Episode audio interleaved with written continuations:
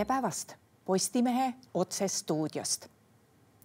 täna hommikul vormistas siis riiklik lepitaja lõpliku protokolli selle kohta, et haridusministeeriumi ja õpetajate palgatülis kokkuleppele ei jõutud. meil on stuudios Eesti Haridustöötajate Liidu juht Reemo Voltri, tere päevast. tere päevast. no rohkem enam läbirääkimisruumi ei ole, jah ei no tõesti ei ole, sest äh, meie alustasime ikkagi oma läbirääkimisi positsioonilt, et õpetajate töötasu võiks äh, juba järgmisest aastast alata riigi keskmisest äh, töötasust, nii nagu on siis kollekt-, selles koalitsioonilepingus kirjas.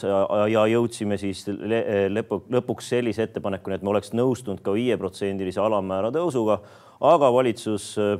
lõpuks eh, pakkus küll kolme koma ühte protsenti, millega tõesti, mis on enam-vähem neli korda väiksem eh, palgatõus, kui me ootasime, kui õpetajaskond ootab ja kui nagu koalitsioonileping ka lubab ja tõesti sellega me ei saa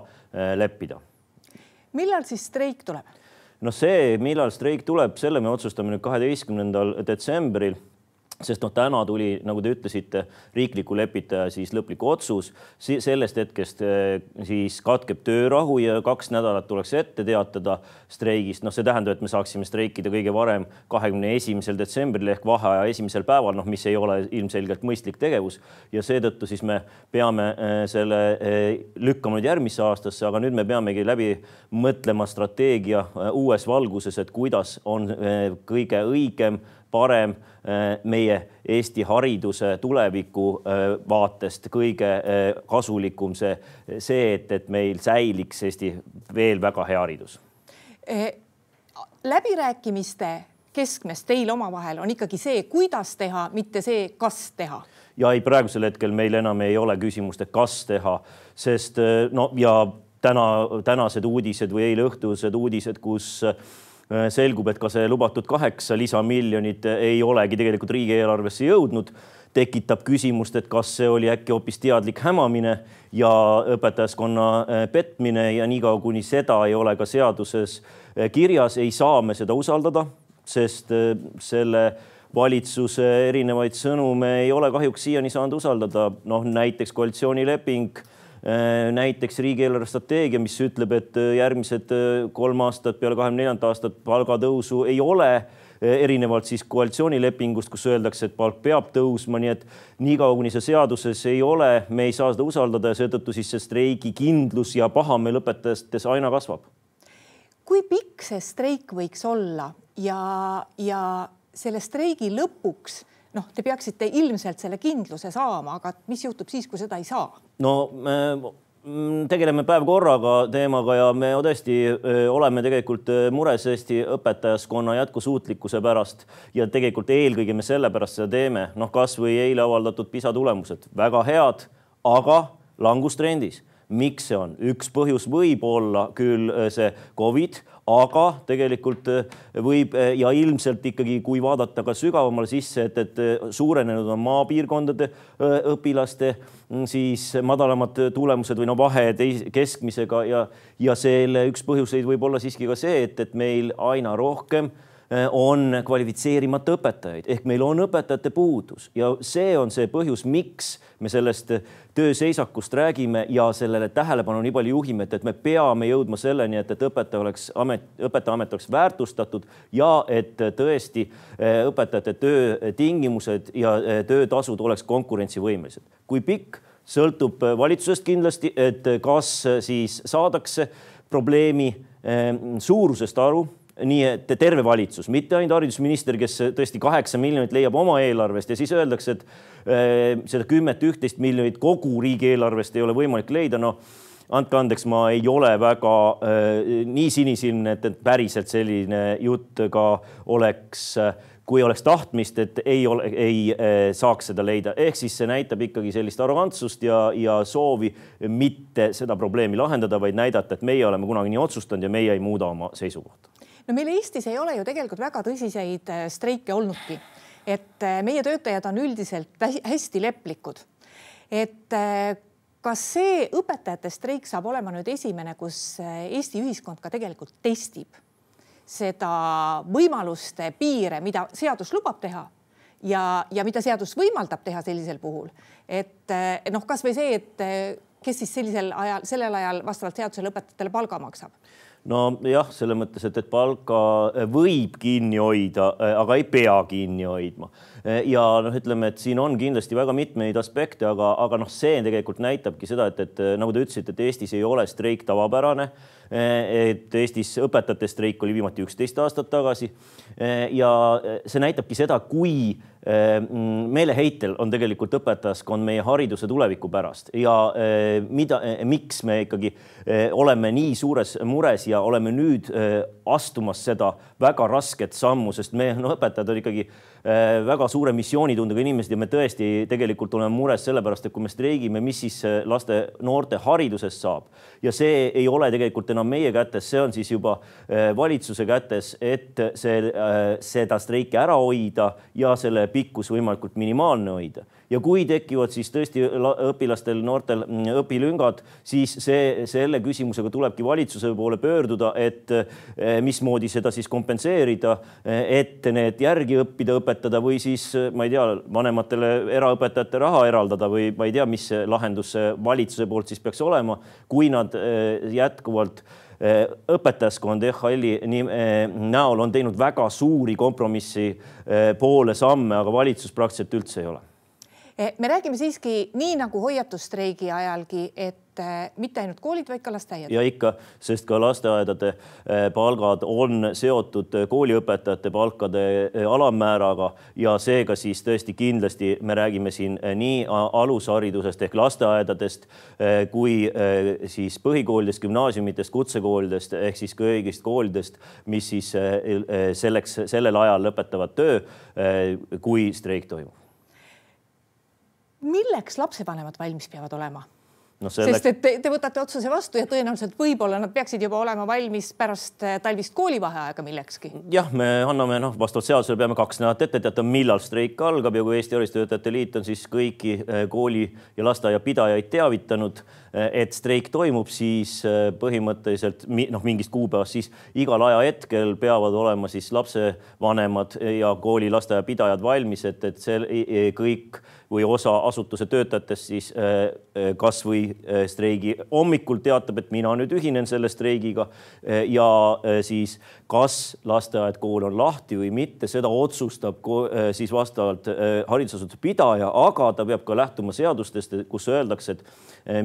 laste turvalisusest, et millised, eriti kui me räägime lasteaedadest, et millised siis laste ja täiskasvanute suhtarvud peavad olema, et laste turvalisus oleks tagatud ja see on selles mõttes noh, kõige kõige mõistlikum turvalisuse seisukohast kindlasti oleks ikkagi see, kui siis lasteaiad ja koolid kinni hoitakse, et ei seataks ohtu noorte turvalisust, mis on ikkagi kõige olulisem. no tõenäoliselt selles mõttes, et ega seda olukorda, see ei ole ju tunniajane streik, seda ei saa lahendada nii, et vallamaja töötajad tulevad lasteaeda või tulevad kooli, kus on eriti palju lapsi, et see ei ole ilmselt üldse mitte mõttekas ega mõeldav. jah, ja noh, see ongi siis, et, et eks siis vanemad peavad ka öö, oma tööandjatega läbi rääkima, vaatama, kas nad saavad siis öö, kodus olla või lapsed kaasa võtta või, või siis äh, ikkagi pöörduma valitsuse poole, et valitsus selle äh, nörritava olukorra lõpetaks ja ei äh, laseks tekitada meie lastele ja siis ka majandusele tegelikult, kui vanemad ei saa olla tööl, vaid peavad olema lastega kodus, siis ka majandusele kahju ja laste haridusele kahju, et, et see on valitsuse kätes. Teil on ikkagi väga kõvad hoovad käes, olgem ausad noh, me ega, aga ega me ei taha selles mõttes, et, neid eh, ju kuritarvitada eh, või tegelikult me ei tahaks üldse neid tarvitada, vaid me tahaksime tegelikult, et valitsus lihtsalt peaks oma sõna eh, ja kui ta on deklareerinud, et õpetaja töötasu peab olema vähemalt keskmiselt siis sada kakskümmend protsenti riigi keskmisest, arvestuslik õpetaja keskmine, siis eh, tuleb selleks ka, eh, siis ei tohi tekitada esimesel aastal olukorda, kus me hoopiski kaugeneme sellest. hea küll, et kui ei suudeta teha jõulisi samme selle eesmärgi saavutamise poole, siis ei tohiks ka vähemalt vastu, vastassuunas liikumist tekitada, sest see ei tekita usaldust mitte kuidagi ja rääkida, et, et aga järgnevatel aastatel me seda eh, siis tõstame, no ei ole usutav, kui isegi ei suudeta seda kaheksat miljonit eelarvesse õige õigeaegselt eh, kirjutada väites, et, et unustati mingi kellaaeg ära või no ma ei tea, valitsuse büroos ei teata tähtaegu, no siis see tekitab õpetajates nõutust, pettumust, pettumust võib-olla on see kõige õigem sõna tegelikult oma valitsuse suhtes. kas haridusminister, kelle valdkond see on, peaks tagasi astuma, kui ta, tema valdkonnas on selline probleem ja ta sellise olukorra tekitab? No mulle tegelikult tundub, et või noh, vähemalt jääb mulje, nii palju kui oma, oma ministriga ka laua taga, läbirääkimiste laua taga olles näha on, et, et seal ministeeriumis on arusaam olemas, ministril on arusaam olemas, tema tegi pingutuse, leidis ikkagi kaheksa miljonit eurot oma eelarvest, et siis mulle tundub, et, et kogu valitsuse ja võib-olla siis eelkõige siis rahandus ja peaministri osas ei ole seda arusaama selle selle olukorra katastroofilisusest, ehk siis räägitakse ikkagi praegusel hetkel ikkagi sellest üksikõpetaja, eh, praeguse õpetaja eh, siis sissetulekust ja sellest, et kahekümne viiendal aastal palgaküür kaob ära, siis te hakkate rohkem raha kätte saama. aga asi ei ole selles, asi on selles, et meil õpetajad lahkuvad ametist, sest õpetaja saab keskmiselt võrreldes teiste kõrgharidusega töötajatega oluliselt vähem palka ja see, kui palgaküür ära kaob, siis see kaob kõigil ära, mitte ainult õpetajatel ja meie oma konkurentsiolukorras teiste ametitega, me ei tõuse mitte kuidagi. ja vot see ongi see probleem, et, et ei saada aru sellest, et meil iga aastaga kvalifikatsioonita õpetajate arv kasvab. see tähendab, tegelikult see on õpetajate puudus, on inimesed, kes ei vasta nendele nõuetele, on keskharidusega inimesed, kes on meil õpetajaks. Ja õpetajaskond vananeb ja juurde ei tule. Ja see on see põhjus, miks meil hariduse kvaliteet on väga suure löögi all ma olen isegi kuulnud ühte sellist lugu, kus üks Tallinna kooli direktor ütles, et, et noh, et nüüd on meil nagu nii vähe inimesi tulnud konkursile, et juba isegi kodutud on kohal. noh, poolnaljaga ilmselt ongi see ja alles hiljuti äh, kuulsin, kuidas üks äh, raadiotöötaja äh, rääkis, kuidas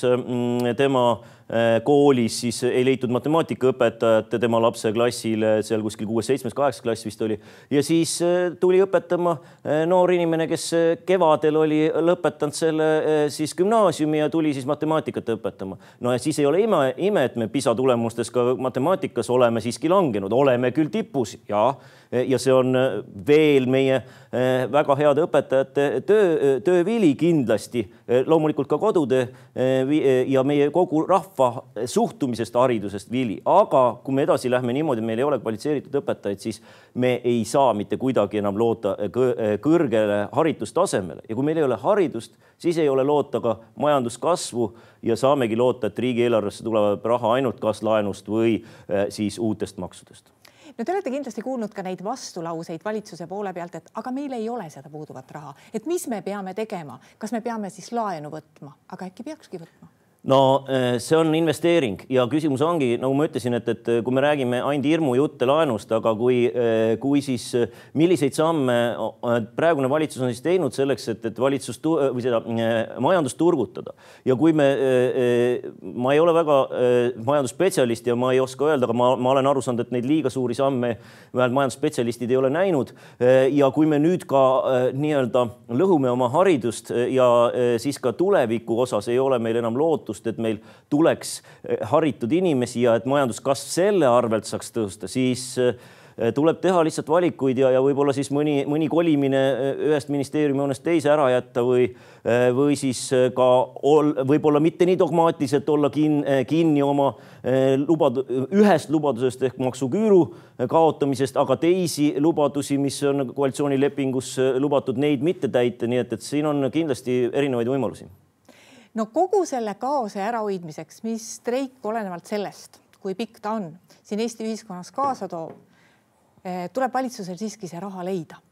no eh, kui, vähemaga te ei lepi? no kui see valitsus tahab ikkagi mm, jätk, jätkata seda, et, et meil on haritud rahvast, meil on kvalifitseeritud õpetajad ja et meil tuleks juurde, et inimesed ei läheks ära. Ja tõesti praegu need inimesed, kes on nüüd praegu läinud õpetajakoolitusse, sellel aastal on see arv kasvanud, et nad tõesti jääksid sinna koolitusse ja pärast ka tuleksid ametisse, siis tuleb anda õpetajatele Eh, ja ühiskonnale see kindlus. Ja mitte ainult ühe aasta perspektiivis, vaid tegelikult ka järgnevateks aastateks tuleks sõlmida kollektiivleping, kus on kirjas, milliste sammudega me selle lubatud eesmärgini saavutame. Muidu selles mõttes tõesti ei ole nagu meil väga suurt lootust, et me hea haridus jätkub. Kui me vaatame neid ministri välja öeldud pikaajalisi plaane, mis peaksid aitama ka haridussüsteemis, no ma ei taha öelda küll raha kokku hoida, aga panna raha lihtsalt teise kohta ehk siis eh, gümnaasiumite arvu ülevaatamine, kõik muud sammud, kuidas te nendesse suhtute? kindlasti on neid muutusi vaja teha läbimõeldult. me istusime koos mõni nädal tagasi tõesti ministri ja eh, siis linnade-valdade liiduga ja leppisime kokku noh, järgmiste konsultatsiooni sammudes, et eh, hakka, hakkaksime kolmepoolselt siis tõesti ka neid samme läbi vaatama eh, koos konkreetsete kohalike omavalitsustega, et kus kohas need niinimetatud väga väikesed gümnaasiumi osad ja siis ka kolmandad kooliastmed põhikoolid, et kas neid saaks kuidagi optimeerida ja, ja väga selgelt mitte nii-öelda üle-eestiliselt äh, sellise ühe lauaga lüües, vaid tõesti siis ikkagi äh, konkreetselt seda õpetajaskonda, neid koole ja kohalikke omavalitsusi ja ministeeriumi kaasates tõesti me leiaksime, aga seal ei ole väga suurt raha peidus, võib-olla lihtsalt vabanevad mõned kvalifitseeritud õpetajad, kes saaksid siis suurema koorm-, noh, ühesõnaga siis täiskoormuse ja võib-olla siis lihtsalt kvaliteetsemat haridust saaks selles piirkonnas anda. aga ja kindlasti on oluline mm, sealt tulenev ka miks on õpetajate, räägitakse, et õpetajad on ülekoormatud. no üks põhjuseid ongi see, et, et meil ei ole õpetajaid ja siis õpetaja võtab ka nii-öelda suurest missioonitundest ka lihtsalt rohkem koormust, noh, saab küll natuke rohkem raha ka aga eh, lihtsalt on see, et, et see on ka üks põhjuseid. Ja no veel suur põhjus, oluline erinevus meil muust maailmast on see, et, et meie õpetajatel puudub karjäärimudel ehk meil ei ole mitte kuidagi võimalik läbi oma professionaalse arengu oma sissetulekut suurendada. erinevalt näiteks Põhjamaadest, erinevalt tegelikult ülejäänud maailmast, eh, kus on ikkagi see, et ei ole eh, sellist olukorda, kus eh, alustav õpetaja ja kogenud õpetaja, kes on ennast arendanud, et on sama pulga peal, nagu praegu Eestis on. ehk mina, kakskümmend kaks aastat õpetaja olnud, saan tuhat seitsesada nelikümmend üheksa eurot täiskohaga töötades ja siis keskharidusega inimene, kes tuleb õpetajaks, saab ka tuhat seitsesada nelikümmend üheksa eurot. noh, see ei ole ka jätkusuutlik ehk, ehk inimene ei näe äh, perspektiivi, et kuidas oma äh, sissetulekut saaks suurendada. Äh, peale selle ainult, et võta aga rohkem kohustusi, tee aga rohkem tööd, tööta surnuks, siis saad natuke rohkem raha, et see ei ole lahendus. no vot, siin ongi ju see häda et vanemad või õpetajad võib-olla ongi sellega harjunud, et kogu aeg antakse kohustusi juurde ja neil on hästi kõva missioonitunne. ma ei taha öelda, et noortel õpetajatel seda ei ole, neil kindlasti on, aga nad on juba nii-öelda praeguse sajandi inimesed ja nad saavad aru, et kui sa oled päris palju õppinud, selleks aega ja energiat kulutanud, siis sa ei saa ennast odavalt müüa, ehk siis uus põlvkond tuleb peale, kes sellega ei lepi. ja just nimelt, et olukord on teine ja inimesed väärtustavad ka ennast, enda aega, oma perekonnale pühendatavat aega võib-olla rohkem ja ei ole nõus enam nii-öelda ka üle töötama. Ja see on ka üks põhjuseid ilmselt, miks meil äh, on ikkagi äh, see äh, hariduses kvaliteedi küsimus ikkagi nii suur, et, et on vaja rohkem uusi õpetajaid ja uus õpetaja võib-olla ei võta enam selle, see, selle ametist lahkunud õpetaja ülisuurt koormust üksi ainult, vaid võib-olla olekski vaja siin mitut õpetajat veel asemel, aga, aga meil ei ole isegi üks üks-ühele asendust praegu olemas, vähemalt kvalifitseeritud õpetajate näol no ma kuulsin siin ühel hommikul ühte intervjuud äh, raadios, kus üks Pärnu kooli direktor ütles, et õpetajatel ei ole häda midagi, et et paljud neist saavad kuni kolm tuhat eurot palka, need, kes rohkem töötavad ja et noh, tema ei näe nagu põhjusi streigiks. kui palju selliseid arvamusi on? noh, selles mõttes äh, õnneks enamus äh, koolijuhte on meil arukad inimesed ja saavad aru, et see ei ole jätkusuutlik, kui me suuname õpetajad üle töötama ja sealt siis rohkem palka saama, et tõesti siin ministeerium ka viimasel ajal on Äh, toonud välja mingeid analüüsi, kus näidati ära, et, et mõnes piirkonnas on õpetajate töötasu sada kakskümmend kolm protsenti keskmisest ja nii edasi, keskmine töötasu. aga kui me hakkame vaatama sinna taha, siis see tähendabki seda, et, et õpetaja töötabki seal suure ülekoormusega ja saabki siis suuremat palka, aga see ei ole jätkusuutlik ja sellega me ei, mm, esiteks need inimesed põlevad läbi ja teiseks sellega me ei saa uusi no, äh, kolleege, sest nemad ei eh, tahavad saada normaalse töötasu normaalse töökoormusega, ehk siis seadus ütleb, et õpetaja peaks tööd, õpetaja on lühendatud tööaeg kolmkümmend viis tundi nädalas. ja kui nüüd räägime, et jaa, õpetaja saab kolm tuhat eh, eurot palka, aga ta töötab seitsekümmend tundi nädalas, siis see ei ole mõistlik lahendus. ja kui see nimetatud direktor arvab, et, et see on tema kooli eh, võti, et, et oma õpetajad surnuks töötada, siis eh, kahju nendest õpetajatest, kes seal koolis töötavad ja ma tulen nüüd tagasi lõpuks jälle selle streigi juurde, et millal on see aeg, millal te ütlete välja, et millal see streik tuleb ja kui pikk tuleb, et ja kas te rohkem peate ise võimalikuks, et ütleme kaks päeva, kaks nädalat, kaks no, kuud? me kaardistame praegu oma liikmete hulgas ka seda valmisolekut, et täpsemalt aja ja pikkuse suhtes ja vaatame nüüd ka, mis eh, toimub siis selle eh, riigieelarve muutmise seadusega, sest see tuleb nüüd uus seadus teha, loodame, et see siiski tehakse ja millal seda menetletakse, et, et võib-olla ka sellest hakkab sõltuma see, et millal, millal, millal meie streik siis äh, võib-olla hakkab siis kuidagi äh, koos selle menetlemisega ka meie streigi, äh, streik toimuma, et, et. aitäh tulemast Postimehe saatesse ja jõudu edu teile. aitäh, ilusat päeva jätku. ja aitäh ka kõigile neile, kes meid vaatasid. Postimehe järgmine otsesaade on eetris juba homme. seniks lugege uudiseid postimees.ee. thank you